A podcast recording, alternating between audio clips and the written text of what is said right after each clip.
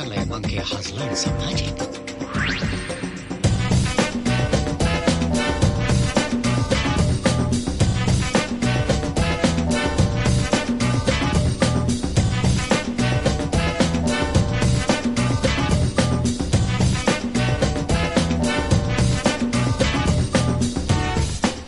A la tertúlia d'avui hem fet el rècord d'assistència. Tenim cinc eh, assistents, si em compteu a mi també. Tenim l'Eduard, tenim també la Raquel, Perdoneu. en Xavi i en Hola a Jan. tothom. A veure, Raquel, que tenim col·locant el, el micròfon. Sí, I- ja he deixat de sabotejar-vos, perdoneu. L'Edu i la Raquel s'estrenen, eh, que sí? Jo diria que sí. estem, aquí estem. Perquè tu, Raquel, havies la estat Raquel a no ben l'especial de, de Sí. Jocs Zen, però no compta com a podcast. O sigui, No compta, vaja, ja puc o estar... sigui que t'estrenes avui.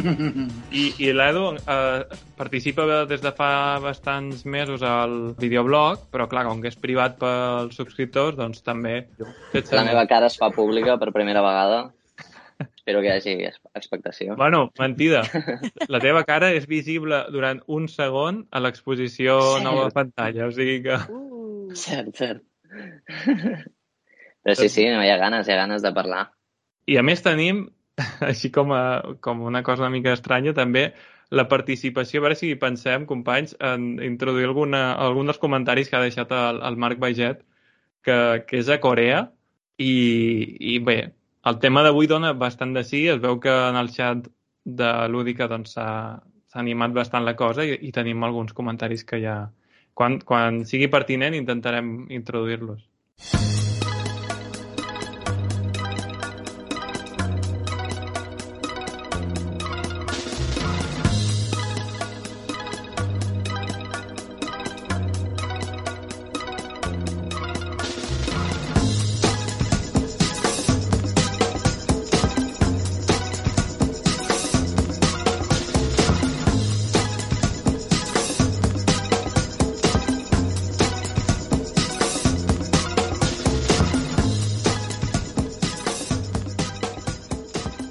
Avui hi ha propostes, fórmules, dissenys i solucions pràctiques jugables que s'han utilitzat una vegada i una altra als videojocs, que ja no funcionen o que ens han afartat prou com perquè arrufem el nas davant els nous títols que gosen reciclar-les.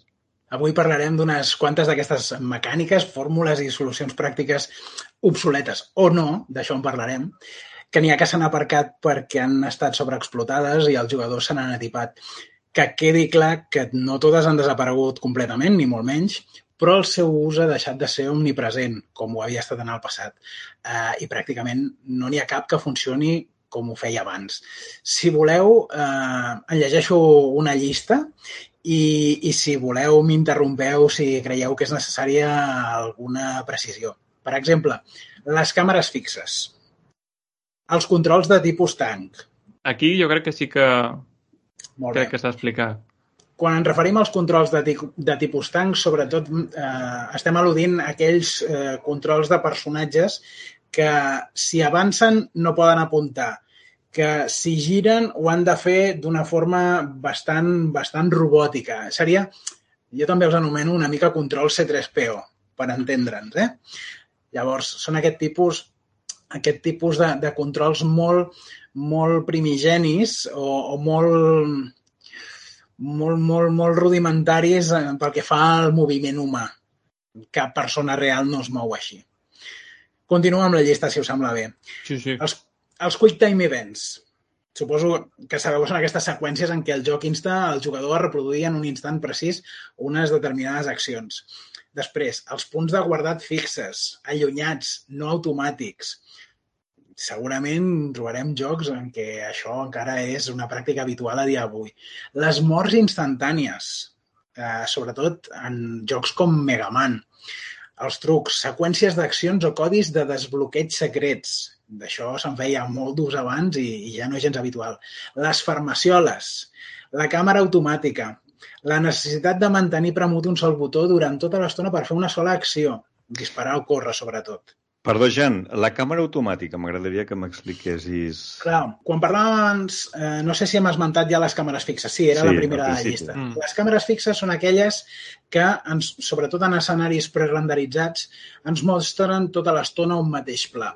Les càmeres automàtiques segueixen normalment el personatge, però no podem controlar-les. És a dir, mm, la càmera pot fer uns moviments concrets que poden estar més o menys ben trobats, perquè hi ha ocasions en què no trobem a faltar poder fer el control o poder controlar la càmera directament, però mm, el jugador no pot eh, controlar-ho de cap manera. Senzillament van totes soles. Això seria la càmera automàtica. És típic de eh, videojocs com els eh, God of War clàssics. Mm -hmm, molt bé, Per exemple. perfecte, merci. Molt bé. Uh, els escenaris passadís. Compte enrere un límit de temps per finalitzar jocs o nivells. Uh, verbs escrits per formular accions. L'acció per torns. Clar, em direu que hi ha gèneres Sí. sí. que consisteixen ben bé en això, no? Però mm, segurament és molt menys habitual actualment que no ho era abans. Les vides limitades. Els rànquings de puntuació, o almenys no tenen el paper que tenien abans el game over tradicional, és a dir, la finalització forçosa de la partida i la pèrdua necessària de l'experiència, els ítems, les millores i el recorregut. Les cinemàtiques eternes o no habitables, eh, aquí el senyor Kojima tindria molt a dir, però vaja, en principi són, eh, són menys habituals que no ho eren. Les pantalles de càrrega interactives, això també és bastant curiós. La necessitat de saquejar el que es diu en anglès looting, cultivar, farming, amb, amb, si no és que parlem de, de videojocs que consisteixen just en això, o, És que de o, o veritat, moldre. Stardew Valley sempre em fa fer farming, de veritat. Clar, clar. Um, el que diuen en anglès també fer grinding, és a dir, treballar dur i el que podríem dir en català, moldre per, per poder avançar. Els diàlegs amb selecció de resposta. És una pràctica que no ha desaparegut del tot, però és menys habitual que no ho era. El mode Déu, no sé si us en recordeu dels modes Déu dels videojocs. El temps bala. I, per exemple, el moviment sobre rails. Podria haver-n'hi moltes més, eh? però aquesta és una llista bastant, bastant nodrida d'algunes d'aquestes pràctiques que han caigut en un cert desús. Sí. Uh, deixa'm llegir també del, del chat que tenim ja alguna, alguna primera intervenció. Uh, no sé si pronunciar Jalabob o Jalapop. Però és Jalabob, Jalabob. Jalabob. Sí, Doncs ah, ja, ja veig que us coneixeu. sí, sí. Diu, hi ha jocs en els que el punt de guardat no automàtic és part de la pròpia mecànica. Jo prefereixo que el joc desi tot el que faig, no sigui que me n'oblidi, però en un Metroidvania no tindria gaire sentit o faria perdre part de l'experiència de joc. Totes les mecàniques xorrades a fer que ens proposava la Wii, no? com a comentari així graciós de, de, de, de, de com, com explotava no? el comandament aquest de la Wii. Uh, jo volia dir una cosa. Respecte a totes aquestes mecàniques, com bé deies, n'hi ha que estan en desús i altres potser uh, simplement és que les reivindica un subgènere molt concret o fins i tot un creador molt concret, com deies ara el Kojima, doncs reivindica la, les pel·lículetes que no, no es poden saltar i que, que duren un munt. I altres jocs així, per exemple, de morts instantànies, també hi ha el gènere aquest o subgènere, no?, que, de Super Meat Boy, no?, aquest tipus de, de joc que, que mors instantàniament i ja tornes a començar el nivell. Aquí a casa nostra tenim un exponent d'això que és el Super Macbot, i és això, o sigui, no ha desaparegut del tot, però sí que s'ha convertit en una cosa molt d'un subgènere. No trobeu que una part important d'aquestes eh, mecàniques, fórmules, eh, propostes han caigut en un cert desús o que se circunscriuen a això que deies, Marc, a una proposta jugable, a vegades que fins i tot eh, té un cert esprit retro Mm. i, i, i que vol recuperar doncs, això que havia estat molt característic dels videojocs en què jugàvem doncs, fa uns, uns quants anys. Què en penseu? O sigui, jo sens dubte crec que hi ha algunes d'aquestes mecàniques que, que sí que fins i tot gent de, de la meva generació ja ni, ni hem tocat, com podria ser això de d'escriure els verbs en jocs que són completament textuals. Però bueno, sí que n'hi ha d'altres que, que s'estan reciclant o que no s'han acabat de perdre, no? com, com el que comentàvem de, dels combats per torns, que, que bueno, esdevenen gèneres en si mateixos. Llavors, doncs això, no sé, crec que en aquesta llista que hem, que hem comentat, no, que hem enumerat, doncs sí que, que hi ha matisos. Hi ha, hi ha alguns que sí que estan més en desús, alguns que, que fins i tot doncs això, no, s'han actualitzat i, i revitalitzat d'alguna forma. Clar, jo crec que eh, no estic massa d'acord amb la... Clar, en la llista hi ha moltes, hi ha, molt, hi ha moltes idees. Jo crec que serveix per fer un bon repàs no? de, de moltes mecàniques i moltes fórmules de, del món dels videojocs. Penso que, clar, el món dels videojocs que, que que també és un llenguatge, no? es podria dir que, que, que també és un llenguatge, eh, sobretot en el món més, més indie, no? de jocs més independents, de vegades mm, allò que és més important no és tant ser, ser originals no? o, o crear un, una manera de jugar absolutament nova, sinó començar a partir de d'unes d'un amb uns elements que siguin reconeixibles no? En, perquè d'aquesta manera s'estalvien eh, molta feina i molt d'esforç. No? Aleshores, és com que apliquen aquella idea que pot ser novedosa, però amb, amb una manera de jugar que és clàssica, que és tradicional, perquè això els hi facilita molt les coses. Llavors, jo crec que a mesura que anem entrant en, en el món indi és més fàcil trobar molts d'aquests eh, molts d'aquests elements. Eh? De totes maneres, n'hi ha alguns que, que és el com tu deies, Edu, no? N'hi ha alguns que, que sí que són més clàssics i d'altres que encara estan bastant vius. Jo, en el meu parer, crec que, que sí, que hi ha algunes mecàniques que van morint a poc a poc, però que n'hi ha d'altres que estan com molt arrelades al mateix sentit del, del videojoc, no? com per exemple això de, dels punts de guardat que comentàvem, que són fixes, doncs jo que sé. Um, n'hi ha alguns que, que realment com la típica del, de, dels Dark Souls, per exemple, que és anar a buscar una, una, una foguera per anar a guardar o no sé què, crec que va molt lligat a l'essència del joc, no? que si no fos així canviaria completament. I, mm. i no ho sé, com n'hi ha alguns... O les gravadores, exemple... no?, del, del Resident Evil. Exacte, exacte. És com un estil, una marca de la casa. Bueno, juguen amb l'atenció, no? O sigui, jo crec que hi són, són obsoletes en un sentit tècnic, és evident que, que es podrien estalviar això, però es mantenen perquè l'atenció és poder arribar fins allà i guardar, no? I aquí sí. és, jo crec que juguen amb això, sabent que tècnicament ho podrien fer de, de manera diferent. Sí, o el que dèiem també del, del, dels torns en els combats, per exemple, o així.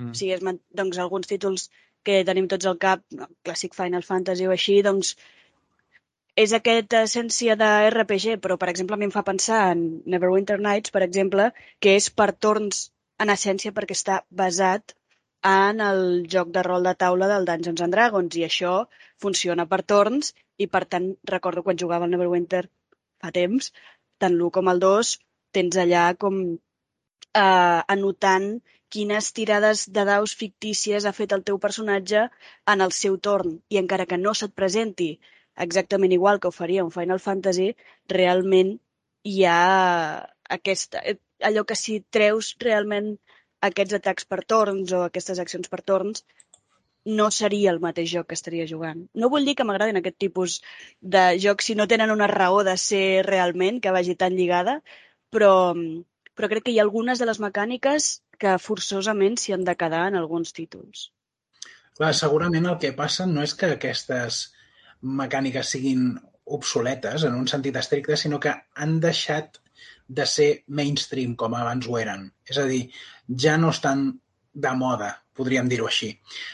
Però això no vol dir que no hi hagi creadors, estudis, eh, fins i tot línies de producte dedicades a aquest tipus de, de solucions pràctiques jugables o, o fins i tot d'estils de joc o de gèneres, perquè algunes són bastant característiques d'un gènere, com, com deia ara la Raquel.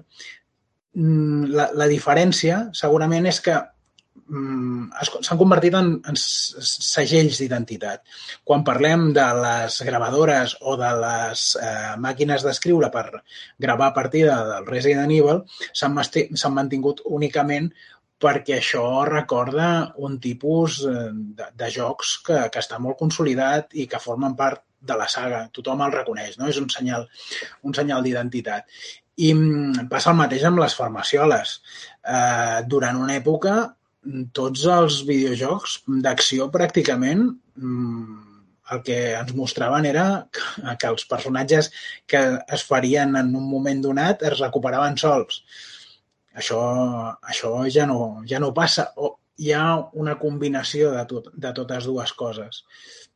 Mm. Pot, potser, ja dic, no és que res quedi antiquat, sinó que ja no és moda o se circunscriu a un gènere o una saga en concret.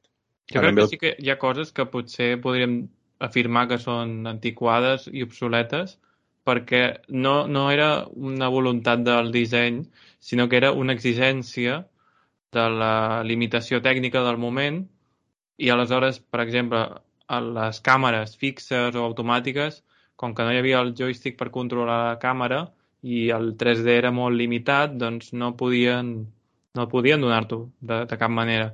O, per exemple, que els passadissos fossin molt tancats, no? que la, tot l'escenari fos molt mm, limitat i també molt dirigit, era perquè no hi havia prou memòria o perquè no es podia carregar tanta superfície no? alhora.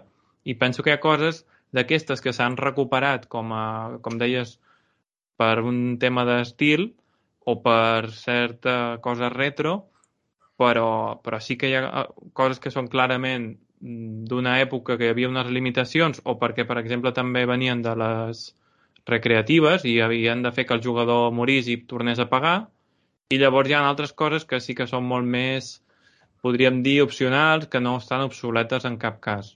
Jo, jo sí que faria aquesta, una mica aquesta diferenciació no? de totes aquestes coses que hem dit. De vegades hi ha una petita evolució, no? perquè ara, ara parlàveu de les farmacioles i m'ha vingut al cap que de vegades han estat substituïdes, per exemple, de Last of Us, no? dos, per, mm. per anar a 40, no? Doncs necessites no? trobar aquests materials i, es, i juguen amb això també una mica. En lloc de ser la farmació la màgica que te la prens i et cures, has de buscar un lloc on, on no et puguin atacar o no et vegi ningú per curar-te en aquell moment, no? I, bueno, és una, potser és una, és una posta a punt perquè és trobar eh, una manera de fer-ho encara més divertit. No, no només t'has de curar, sinó que ho has de fer en un moment on no t'enganxin ningú, perquè si t'estàs mm. curant i et ve un, un zombi per darrere, doncs adeu, no? I m'ha agradat molt això que ha dit Angela Bob de, de les coses que ens feien fer a la Wii, no? que no sé, com, o sigui, com és aquests jocs gestuals, no? que per mi va ser una època infernal. mm, vull dir, perquè, o sigui, si una cosa m'ha agradat a la vida és apalancar-me al sofà i poder jugar només moguent eh, quatre dits no? de la mà, i, i recordo que, que s'escarrassaven, especialment a Nintendo, per fer tots els jocs que sempre m'havien agradat en versió eh, gestual, no? I, I era com una tortura. I després la, la DS, doncs vinga amb el llapis, no? I en, i en Satoru Iwata, que, que l'admiro, eh? Per moltes coses, va insistir molt amb això a Nintendo, no? I després tant Xbox com a Sony van, van tenir les seves versions i, I això va haver un moment, jo crec que, que va ser molt bo perquè vam fer entrar, a, tots hem jugat amb, amb la Wii, amb gent que no havia jugat mai a videojocs, no? Vull dir que això va ser com una, una fita, però va haver un moment que, vull dir, no, no s'ha aconseguit mantenir el temps, no? Jo crec que hi ha hagut un esgotament general tan gran que si a la Switch amb els comandaments encara es poden fer coses i hi ha alguns jocs que, que els aprofiten, però és que ja ningú en vol saber res, no? Vull dir que hi ha hagut mecàniques com aquesta que ha dit Angela Bob, que jo crec que han caigut pel seu propi pes, no? Sí. I que, i, i que va haver un accés en el seu moment, també. Sí, me'n recordo això que deies, no?, d'un joc de disparar amb la Wii, clar, jo me'n recordo pensar-ho, oh, quina bona idea, poder apuntar així com si fos una pistola, però quan portes dos minuts aguantant el comandament dius, hòstia, em canso el braç i al final acabes estan estirat i, i simplement mous una mica el canyell i ja està. Sí. Sense perdre de vista el fet que gràcies a aquests controls gestuals moltes pantalles eh, han quedat esmicolades perquè la gent no, no agafa tan bé com hauria d'agafar aquests controls que surten a tota pastilla. No se'l lligava. Clar, clar. Però això em fa pensar una mica en, en el camí que agafa la realitat virtual, perquè és una mica la Wii eh, portada a l'extrem evidentment agafant amb pinces, no, ja m'enteneu, però, però que també va per aquí, vull dir, de, dels controls aquests gestuals, no crec que n'estiguem escapant precisament en aquest sentit. Bueno, jo crec que serà molt, molt difícil, eh, com, com s'està demostrant, no? que, que la virtualitat eh, acabi agafant molt de pes. No?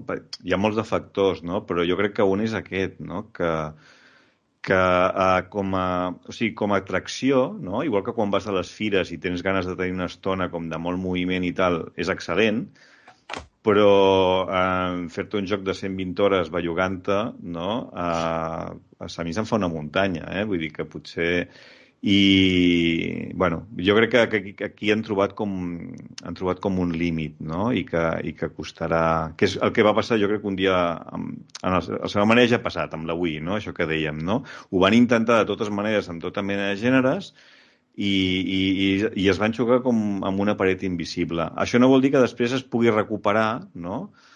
Però, bueno, estic mm, encuriosit eh, del que pot passar amb la realitat virtual, però jo sóc bastant pessimista. Penso que al final genera, acaba despertant com molta, molt de cansament físic, no?, jugar. I jo crec que una cosa que és, és bastant curiosa és justament pensar en el fet de, dels canvis de plataformes, com, com comporten no? aquesta certa obsolescència de, de certes mecàniques o fórmules. Perquè, clar, a, a la realitat virtual mateixa, no? doncs una càmera lliure en tercera persona que estem tan habituats a, a utilitzar en, en videojocs d'acció o, d'aventura de, de, d'una PlayStation i d'una Xbox i aquestes coses, doncs, clar, un videojoc en tercera persona o una càmera fixa en realitat virtual és una cosa que, que a primera vista sembla estranya, no? Mm. Uh, hi ha alguna mecànica o algun element de disseny que trobeu a faltar? Uh, també trasllado la pregunta a qui ens estigui veient en directe, si ho vol comentar o que simplement anomenar algun, algun element que, que ens haguem oblidat. Uh, jo sí que ara aprofitaré, mentre us, us deixo pensar, uh, comento um, una cosa que havia deixat el Marc Baiget apuntada sobre els trucs, uh, aquells codis que tu feies servir, que moltes vegades com, com diu ell, eh, venien a les revistes de videojocs així de tota la vida i, en certa manera, suposo que era un, com un truc no? de, entre les revistes i les persones que feien els jocs, no? com per incentivar que, que hi hagués aquest, aquest extra. No? Si et compraves la, la revista, sabies que podies fer algun truc. També me'n recordo, uh, això és cosa meva, eh? no és el que diu el Marc, que hi havia al pati de, de l'escola moltes vegades senties llegendes urbanes sobre trucs que suposadament feien coses que, que no sabia si era veritat o no. I, i bé, um, ara sí, llegeixo una mica la reflexió del Marc, que diu uh, tenia més sentit quan tot era molt més secret i s'extenien rumors fàcilment. Avui en dia mm. té poc sentit perquè amb l'internet tot es sap de manera fàcil i ràpida i el que era xulo d'això era el secretisme. Els trucs Clar. de l'Age of Empires no tindrien cap gràcia si no fos per la sensació que sabies alguna cosa que ningú més sabia. I eh, jo amb això me'n recordo perfectament, no? que, que quan algú em passava trucs d'aquests, precisament de l'Age of Empires, era com un, no sé, tot un moment, no? De dir, ara ho provaré i, i, i era flipant. Era una sensació molt estranya, no?, de trencar el joc. Um, no, sé, no sé si recordeu sí. això, si encara hi ha algun sí. exemple actual que pugueu jo, recordar. Jo recordo que els, eh, en algun dels videojocs de Spider-Man eh, que estaven prou bé, hi havia mm, codis per desbloquejar vestits, per exemple, com que Spider-Man té una pila d'aparicions diferents als còmics, doncs n'hi havia un fotimer d'aquestes aparicions que les podies aconseguir, podies desbloquejar-les a través de codis. En alguns, ara no me'n recordaré de quins, de quins jocs, però jo sé que n'hi havia un parell. Clar, què passa? Que ara no hi ha codis per desbloquejar això, ho fem a través de, eh, continguts descarregables de pagament. Ens, fa, ens fan passar per caixa per, per aconseguir l'efecte que abans aconseguíem amb, amb codis, en, almenys en aquest cas. Eh? Mm. Això dels codis també hi havia la combinació de, de, de botons en els comandaments, o a la pantalla d'inici, que, que encara semblava més super secret i més... La no? típica combinació Konami. Exacte, sí, sí. I, i jo recordo això els codis perquè això eh, eh, m'havia trobat molt doncs, a la Game Boy, als jocs de Game Boy, a NES, Super Nintendo... I, i arribava un moment que arribaves a aquell, no? Feies el teu rècord, arribaves a aquella pantalla i t'havies d'apuntar el codi i, i ara com a adults ens sembla una cosa com molt normal, no? Ens apuntaríem al mòbil en, un, en, un, en una, a les notes, no? Però en aquell moment jo recordo com a nen, com, era com, ostres, m'havia d'apuntar el codi i l'havia guardar, de guardar de tal manera que me'n recordés com una mena de tresor, no? Vull dir que bueno, tinc molt aquest record d'això amb, amb els codis. Eh, Jo, jo me'n recordo també de, de, amb amics meus a l'estiu, aquestes imatges així nostàlgiques, també de d'imprimir-nos un, un, un fitxer on hi havia tots els, tots els trucs del Grand Theft Auto i era allà, ho teníem guardadet a lloc secret. Sí, sí.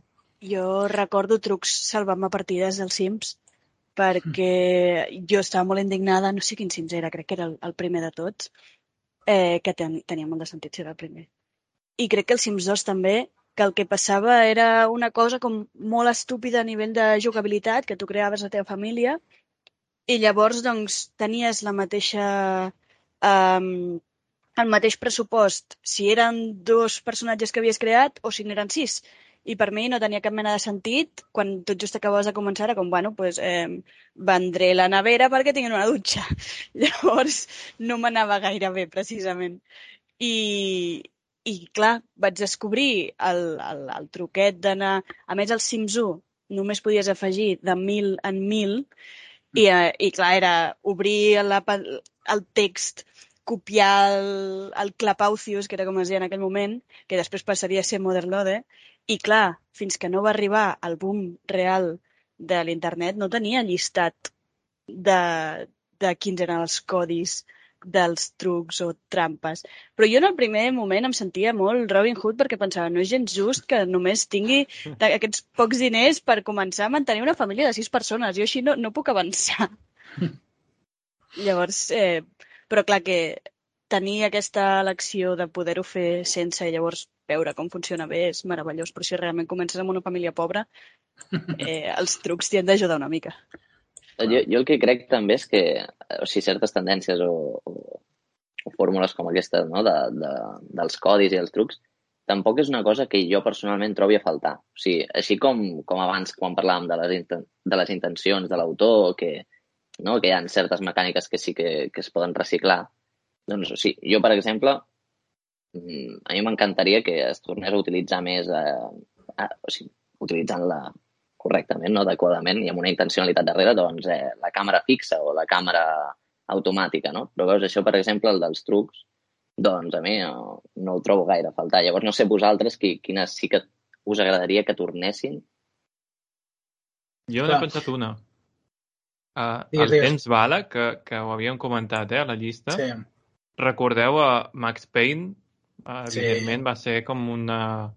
bueno, en realitat va ser Matrix i de Matrix va sortir Max Payne. O sigui, de la pel·li de Matrix es, es va flipar, no? Va haver una flipaventa eh, contagiosa i recordo també que es va fer una còpia mm, així com barata de Max Payne que no recordo com es deia, però la vaig jugar a la Xbox original, també estava a la, a la Play 2. Era exactament el mateix, eh? O sigui, saltaves i podies disparar així a càmera lenta i tal. Llavors, me'n recordo molt d'un joc que va sortir a l'època de la 360 i de la Play 3 que, que era, o sigui, era temps bala, però en plan exagerat, com, com les pel·lícules aquestes asiàtiques, no? sobretot de la Xina, de, de, de mafiosos i tal, i era espectacular. A veure si puc... Stranglehold.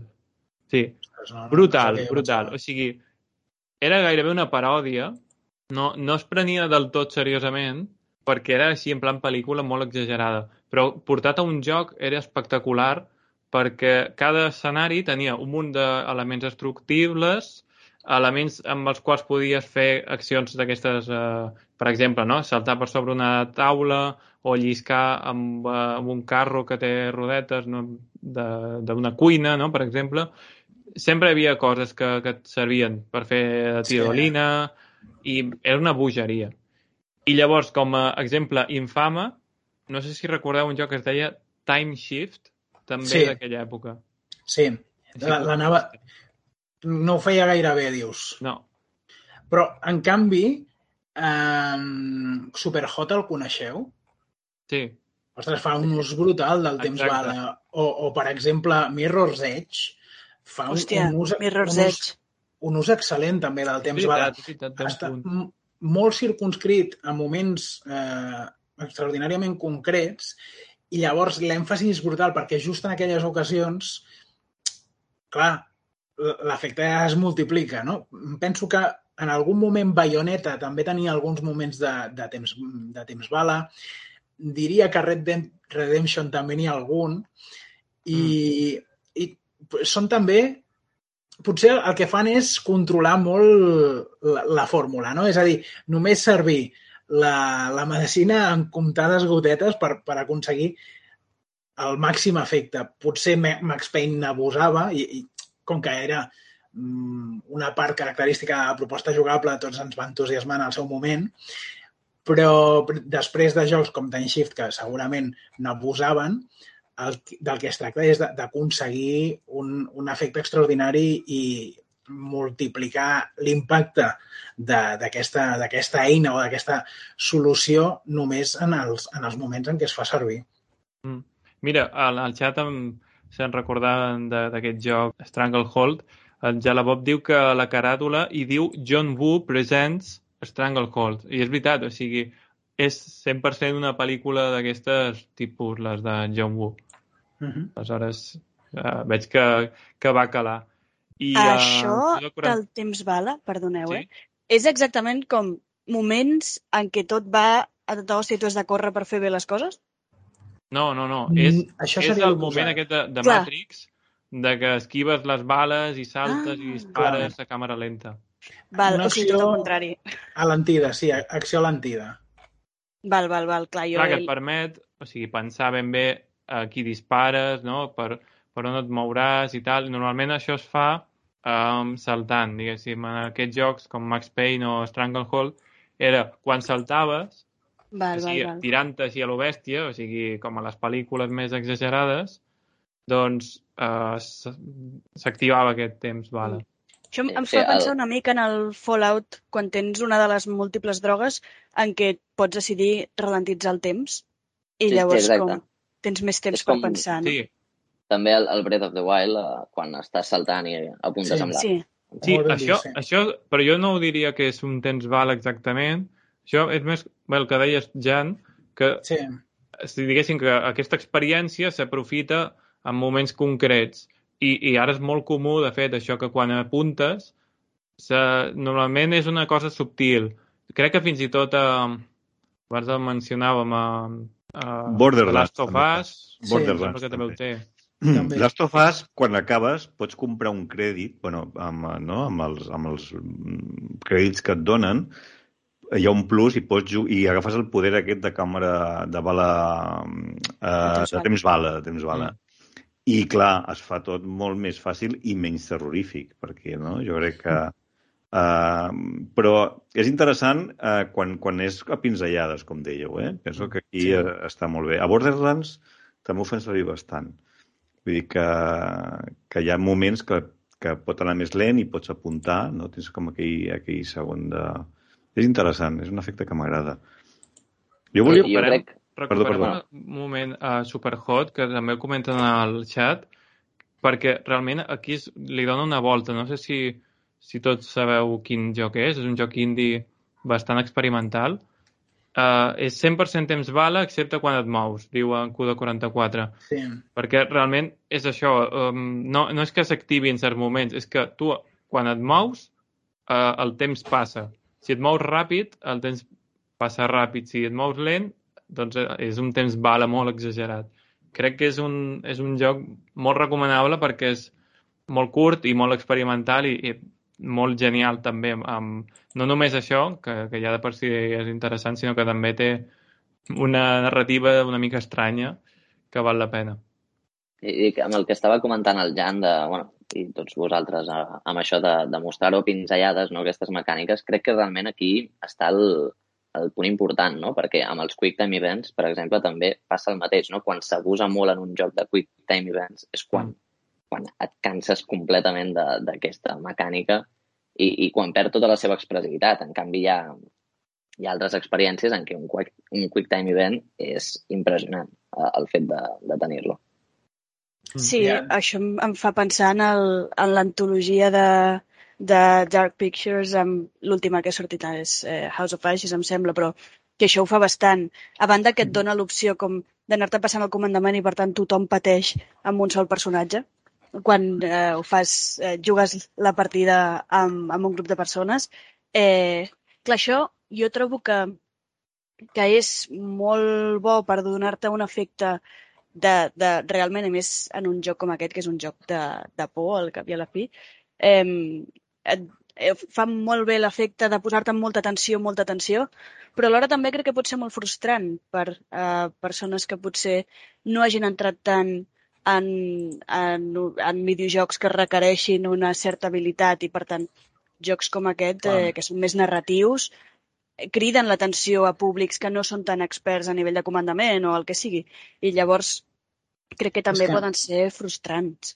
És que en el fons els Quick Time Events eh, són indicats per moments en què la, tota altra interacció està limitadíssima. És a dir, cal mm, conduir una acció en un moment concret i precís i, i no fem altra cosa, no fem altra cosa que veure una cinemàtica. De fet, un dels primers gran videojocs amb QuickTime e-, Events era Dragon's Lair, que era una pel·lícula d'animació. Uh, també... Injugable. I segurament injugable. Des del punt de vista de, de l'animació, és una gran producció és de Don Bluth, sí. però, però clar, té aquesta pega. Mm, jo recordo una de les ocasions en què més frustrant m'he sentit davant d'un videojoc que n'abusa va ser amb, amb Ninja Blade i em va semblar infumable, perquè és que pràcticament qualsevol seqüència d'acció contenia QuickTime Events. I, i això acabava convertint l'experiència en, en, en una cosa que tenia bastant poc a veure amb un joc, que era el que passava amb Dragon's Lair, per exemple. Mm. Molt, molt trist i funest, en aquest cas. Sí, sí, de David mi... Cage, per exemple, i Quantic Dream, perdó, eh, n'abusa moltíssim, però em sembla sí, sí. completament excessiu hi ha videojocs recents que en fan ús i en fan un ús interessant, com per exemple uh, Guardians of the Galaxy o Metroid Dread. Mm, abans hem parlat de, de Bayonetta. Bayonetta també en fa ús, Vanquish, uh, Mass Effect, mm, el God of War clàssic, els God of War clàssics, em, em refereixo a tota la sèrie God of War llevat d'aquest últim, també en fa ús. A Resident Evil 4 també hi ha seqüències de QuickTime Event i segurament no, no són impossibles d'aguantar, però quan hi ha un abús i se n'ha abusat força, doncs acaben, crec que repercutint en l'experiència general de joc. Passa el mateix amb el temps bala. Si és un moment eh, d'èmfasi mm, que és una sorpresa jugable, per dir-ho d'alguna forma, mm, el videojugador pot rebre-ho bé, però quan el videojoc està plegat d'aquest tipus d'experiències no funciona, no funciona tant. A mi tot això m'ha fet pensar i recordar en un videojoc de realment fa, clar, per mi fa bastants anys, um, que era el Prince of Persia, el de, el de les arenes del temps. No sé si havíeu jugat mai, jo recordo veure el meu germà jugant-hi, això és el que el meu coneixement de videojocs va, va néixer sovint d'aquí, eh, però tenia un moment d'aquest de Quick Time Event, i no només això, sinó de càmera automàtica en què cada X temps, eh, quan havies com fet enfadar prou una mena d'ombra que et perseguia per fer servir els poders de no sé què, eh, tenies una pantalla en què havies de fugir i, i havies de... No era ben bé fer una seqüència concreta de tecles, però havies de córrer i escapar i, i per tant saltar obstacles a una, que anaven a una velocitat molt alta. I, i era tot, però tenia com... anava molt lligat a la narrativa del joc com era aquell moment en concret perquè havia passat allò que el teu personatge havia fet i havia decidit, doncs, el poder era tirar enrere en el temps o no sé què, doncs t'havies passat fent això, et perseguia una gran ombra que podia acabar matant-te. i llavors, doncs, era un quick time event amb una càmera automàtica, però que tot això anava com molt lligat i tenia com molt... Eh, era molt raonable, és a dir, estava molt justificat en aquell sentit. Sí, jo crec que potser s'ha s'ha denostat molt eh, aquest tipus de, bueno, de mecànica de, perquè és, és, és molt molest quan va molt seguit, no? quan és una cosa a vegades també superflua, que no, no t'aporta res i haver d'estar pulsant constantment, doncs eh, a mi hi ha un punt que em treu, però en canvi hi ha jocs com els que has dit que realment crec que hi pega molt i et dona un, un cert eh, bueno, un feedback no? interessant en aquell moment precís que no, entre no fer res i mm. fer, fer-ho tot, doncs una petita acció crec que va bé per donar-li ritme a l'interacció. Un altre element de la llista que m'agradaria mm. comentar, si us ve de gust, és el mode 10.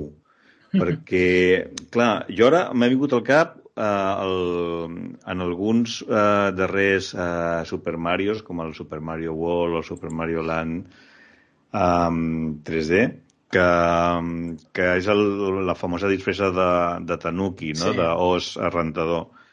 I que és, a mi em sembla que és una... A mi m'agrada molt que eh, encara que el joc pugui ser més o menys complicat, tinguis la possibilitat de passar-te'l sense cap esforç o molt ajudat. Això Compte, jo crec que... eh, Xavi? Compte. No, el tanuki no és un no rentador, és un gos vivarrí. Són dos animals ah, sí? diferents, eh? Sí, sí, primera notícia. No sé què és, eh, un gos, gos vivarrí. Gos vivarrí. No, no, no els. Buscarem. Crec, crec, crec que tots dos són prociònids, però un és... Tenim un zoòleg. Un, no, no, un friki, però... No, el que, el que volia dir és que, a més, eh, és un vestit concret de tanuki, és el tanuki daurat, és a dir... El blanc. O, exacte, el blanc, el blanc. Però, però no pas el marró, que el marró et dona avantatge, no, però, però no, no et converteix en un déu. El, el marró mm. et dona poders, vull dir, fas la volta... Per, no? Pots donar cops de cua, però n'hi ha un altre que, que és, fa invulnerable. Sí, que va sortir fa, uns, fa, uns, fa pocs anys, Sí. I que és això, et fa invulnerable i que quan tu, a tu en una pantalla et maten diverses vegades, tens l'opció de posar-te'l i passar-la, diríem, de manera molt més fàcil, tot i que si caus, diguem, eh, si caus de la plataforma, mors igualment, no? però sí. ho facilita moltíssim. I a mi em sembla molt encertat, això. No sé què en penseu, sí. perquè trobo que el fet de sí. dir, bueno, mira, escolta, jo el que vull és, és passar-me el joc, o, o, o, ho he intentat i no ho aconsegueixo, doncs no passa res, no? No em faré mala sang, no serà una cosa... Vull dir, no hi ha un límit. En tot cas, som sí. jo mateix, no, una mica és com, no sé, com fer, com fer exercici, no? com fer esport, de dir, bueno, conec els meus límits, llavors jo no he de tenir el físic d'una altra persona, etc. no? Per tant, jo, el meu límit és aquest.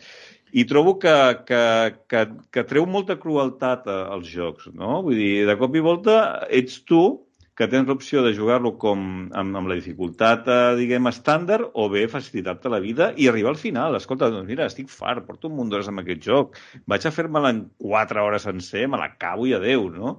Uh, no sé què en penseu. És una Nota que portes dies jugant a l'Elden Ring, eh? Ah, com, si em posés el, el, ara, ara vol el mode Déu.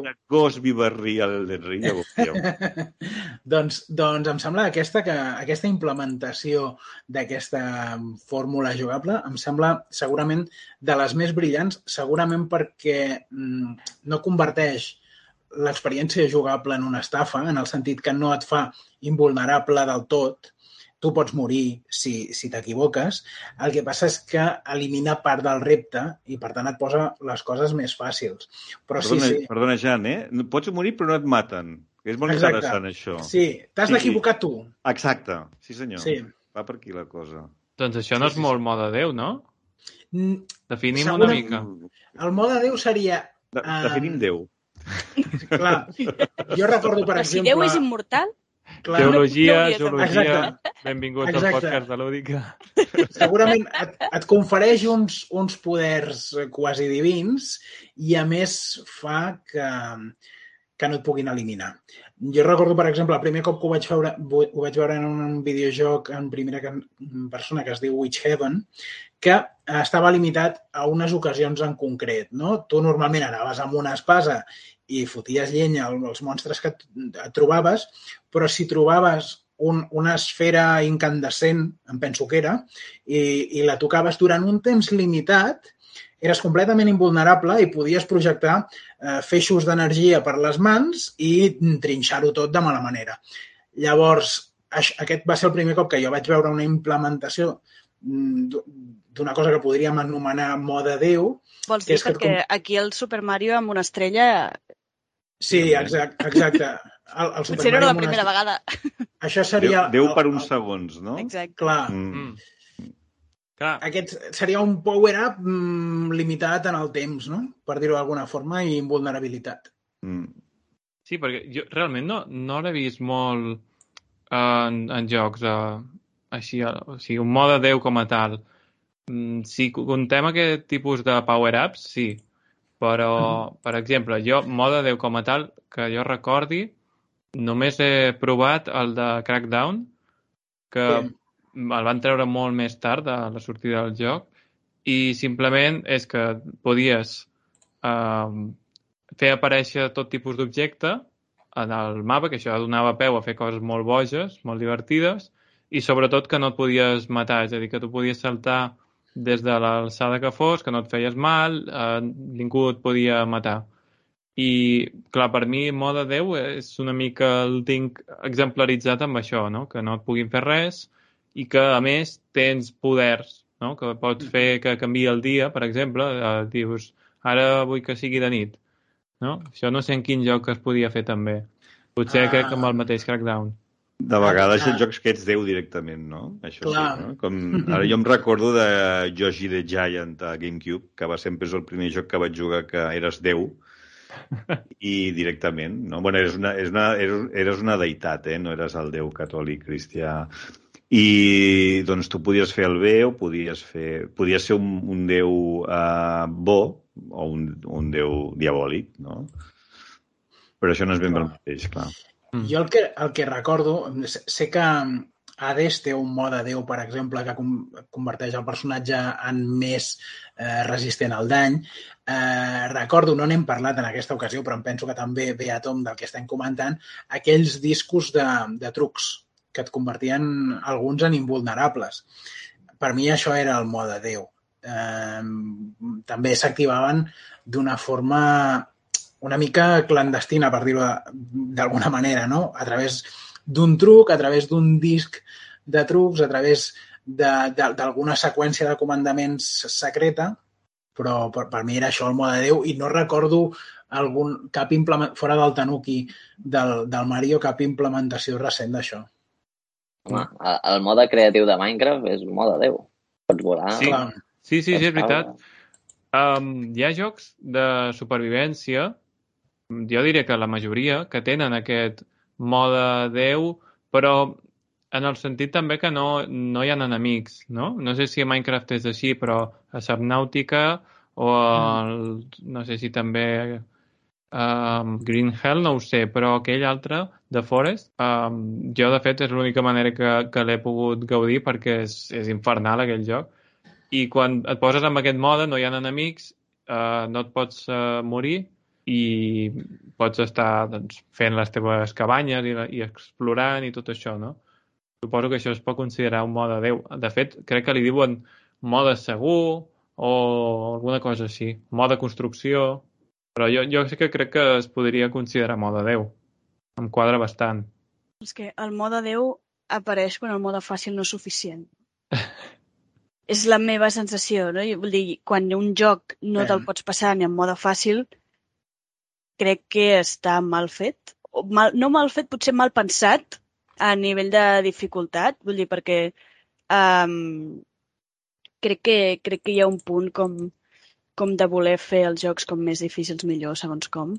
I això és un error, perquè això elimina eh, els possibles usuaris d'aquest mateix joc, perquè no tothom té ganes de passar la poca estona que pugui dedicar a jugar a passar-ho malament. Sí. Llavors, crec que el, el mode 10 està pensat per quan fins i tot el mode fàcil no funciona o, o senzillament a vegades el mode 10 és això que, que dèiem, no? que ofereix opcions que són com més divertides o en el Sims mateix, per exemple, pots modificar les amistats amb algú i llavors la gràcia no és que tu superis la, la vida del sim i eh, sigui triomfador i no sé què, sinó ah, tu estàs creant la teva pròpia història o una cosa així bé, no ho sé, però, però trobo que el mode Déu és, és això. Crec que mm -hmm. supleix mancances més aviat per no poder gaudir d'un propi videojoc. Justament, ara que ho estava pensant també, la, la tendència de fer els jocs molt difícils també és una cosa que s'ha anat perdent amb el temps, no? Que, que sí que sorgia una miqueta més d'aquestes necessitats tècniques o, o econòmiques de, de les recreatives i que, que a mesura que ha anat passant el temps, ara potser sí que és cert que amb, amb, amb el tema de la saga Souls i, i tota la descendència que ha deixat, doncs sí que bueno, s'ha perdut una mica, però sí que m'agrada d'una època que un gran debat que hi havia als mitjans de comunicació especialitzats era sobretot pel tema aquest, no? que els jocs eren fins i tot massa fàcils. Però, però sí, no, seria una, una d'aquestes tendències altra vegada que, que bueno, sembla que s'haurien anat perdent. Sí, sí, sí. Jo crec que el tema de la dificultat és un dels debats potser més absurds, però més encesos que, que he anat sentint els últims anys, perquè hi ha certa gent que s'ho ha agafat com una qüestió identitària o, o de realment ser molt un autèntic gamer, no? I, i com deies, això ve de, de les màquines recreatives que havien de ser difícils perquè paguessis més, no? I, i llavors també els jocs que eren molt curts i si eren molt, massa fàcils te'ls passaves en un dia i per això havien de ser molt punitius i fer-t'ho passar malament perquè repetissis, repetissis, i ara no té sentit. De fet, ara, mm, llevat d'aquests que juguen a, a fer-te sentir molt, no? que tenen una recompensa molt gran, com els Souls, i és com una cosa que tothom espera poder-ne fardar de que se l'ha passat, doncs la majoria de jocs, si, si et putegen molt, l'abandones i adeu. I això ara mateix és una realitat que fa que el disseny de jocs no pugui ser tan difícil. Però és que, a més, també hi ha la qüestió d'accessibilitat i d'una cosa tan bàsica com que quan tu fas un joc vols que el gaudeixin, no? I jo crec que és absurd que no, no vulguis que algú es pugui posar més fàcil. És a dir, si es pot triar la dificultat, què més et dona, saps? Si algú posa fàcil i tu fas en difícil. No, no li veig problema, però hi ha gent que d'això n'ha fet com una mena de, de qüestió d'això, de, de ser autèntic o, o de ser doncs molt no sé, molt dèbil, no? Una, una, una ètica una mica així de, de flipat, jo crec. Jo amb això tinc, tinc una teoria que a, a la, en la mesura que la, la població de jugadors va fent gran, mm. hi haurà cada cop més jocs més fàcils. Per què? Eh, a dia d'avui encara la major part de la població és jove, però eh, quan, a mesura que et vas fent gran, te n'adones que i a vegades no és, que no és que siguis més dolent, és que vas perdent, eh, vas perdent qualitats, vull dir, vas perdent... O sigui, potser... I és així. I això... Eh, les primeres generacions de, de videojugadors comencen a tenir 50 i més. Eh, I això vol dir que d'aquí 20 anys hi haurà un munt de jugadors els que arribin que, tindrà, que tindran 70, 70 i pico d'anys. I, I això no haurà passat mai a la història. No haurà passat mai. Llavors, la visió del joc encara és molt juvenil moltes vegades, no? De dir, home, però jo vaig aquí, tinc, no? Com tinc... Aguanto el que faci falta i ja, però és que a, a una persona de segons quina edat no li podràs demanar això i potser té, eh, voldrà gaudir d'aquest joc. Llavors, jo, jo crec que la solució seria, eh, més enllà de que cadascú pot fer el que vulgui, vull dir, eh, per dels desenvolupadors, que, que, que hi hagués un nivell, un, un nivell recomanat. Mira, jo he pensat el joc en aquest, no? jugant en aquest nivell, no? però eh, com tu deies, Marc, o sigui, l'accessibilitat cada cop és més important i, i no té, trobo que no té massa sentit. Sí que està bé eh, apuntar quin és eh, el nivell en el qual s'ha pensat aquell joc, però al final no té cap sentit eh, eh, no dona l'oportunitat a molta gent a gaudir d'aquella experiència, encara que potser no sigui exactament com estava com estava pensada, però a mesura que, que s'envelleixi el, el, el, el, el parc de jugadors, això haurà de canviar. perquè és que amb els anys te n'adones que hi ha coses que no, no, no, ja no, no fas amb tanta rapidesa. Et costa més. I és així. Mm. De fet, ara eh, hi ha el mode història, a part del fàcil, no sé si us heu fixat, o sigui, això que has dit, eh, de que el, moltes vegades eh, bé, o sigui, que el, el desenvolupador d'alguna manera et diu aquest, aquest és el nivell que he pensat que tens l'experiència òptima, ho diuen o sigui, explícitament això, no?, quan ho tries. Mm -hmm. Però, a més, ara hi ha el mode història, que és per gent que no... Ja no és que vulgui que sigui fàcil o no, és que mm. vol anar tranquil·lament descobrint la història sense haver de repetir gaire, no? I crec que és una cosa que, mm. que és molt il·lustrativa del moment en què mm. estem. Vull dir, al, al final és el que molta gent demana per accessibilitat o perquè senzillament el que li interessa és la història i a vegades el repte massa alt és un impediment. O I a mi m'ha passat tot... que hi ha jocs que m'avorreixen i vull saber la història i jugo Clar. una mica a, a desgana o fins i tot, Marc, com dèiem en el darrer videoblog, justament ara en parlava la Raquel de, de Dark Pictures Anthology, eh, el, el nou lli, lliurament de, eh, d'aquesta saga de Supermassive Games serà un videojoc que incorporarà un mode cinematogràfic. És a dir, no hi haurà interacció i el que farem serà veure una pel·lícula. Per tant...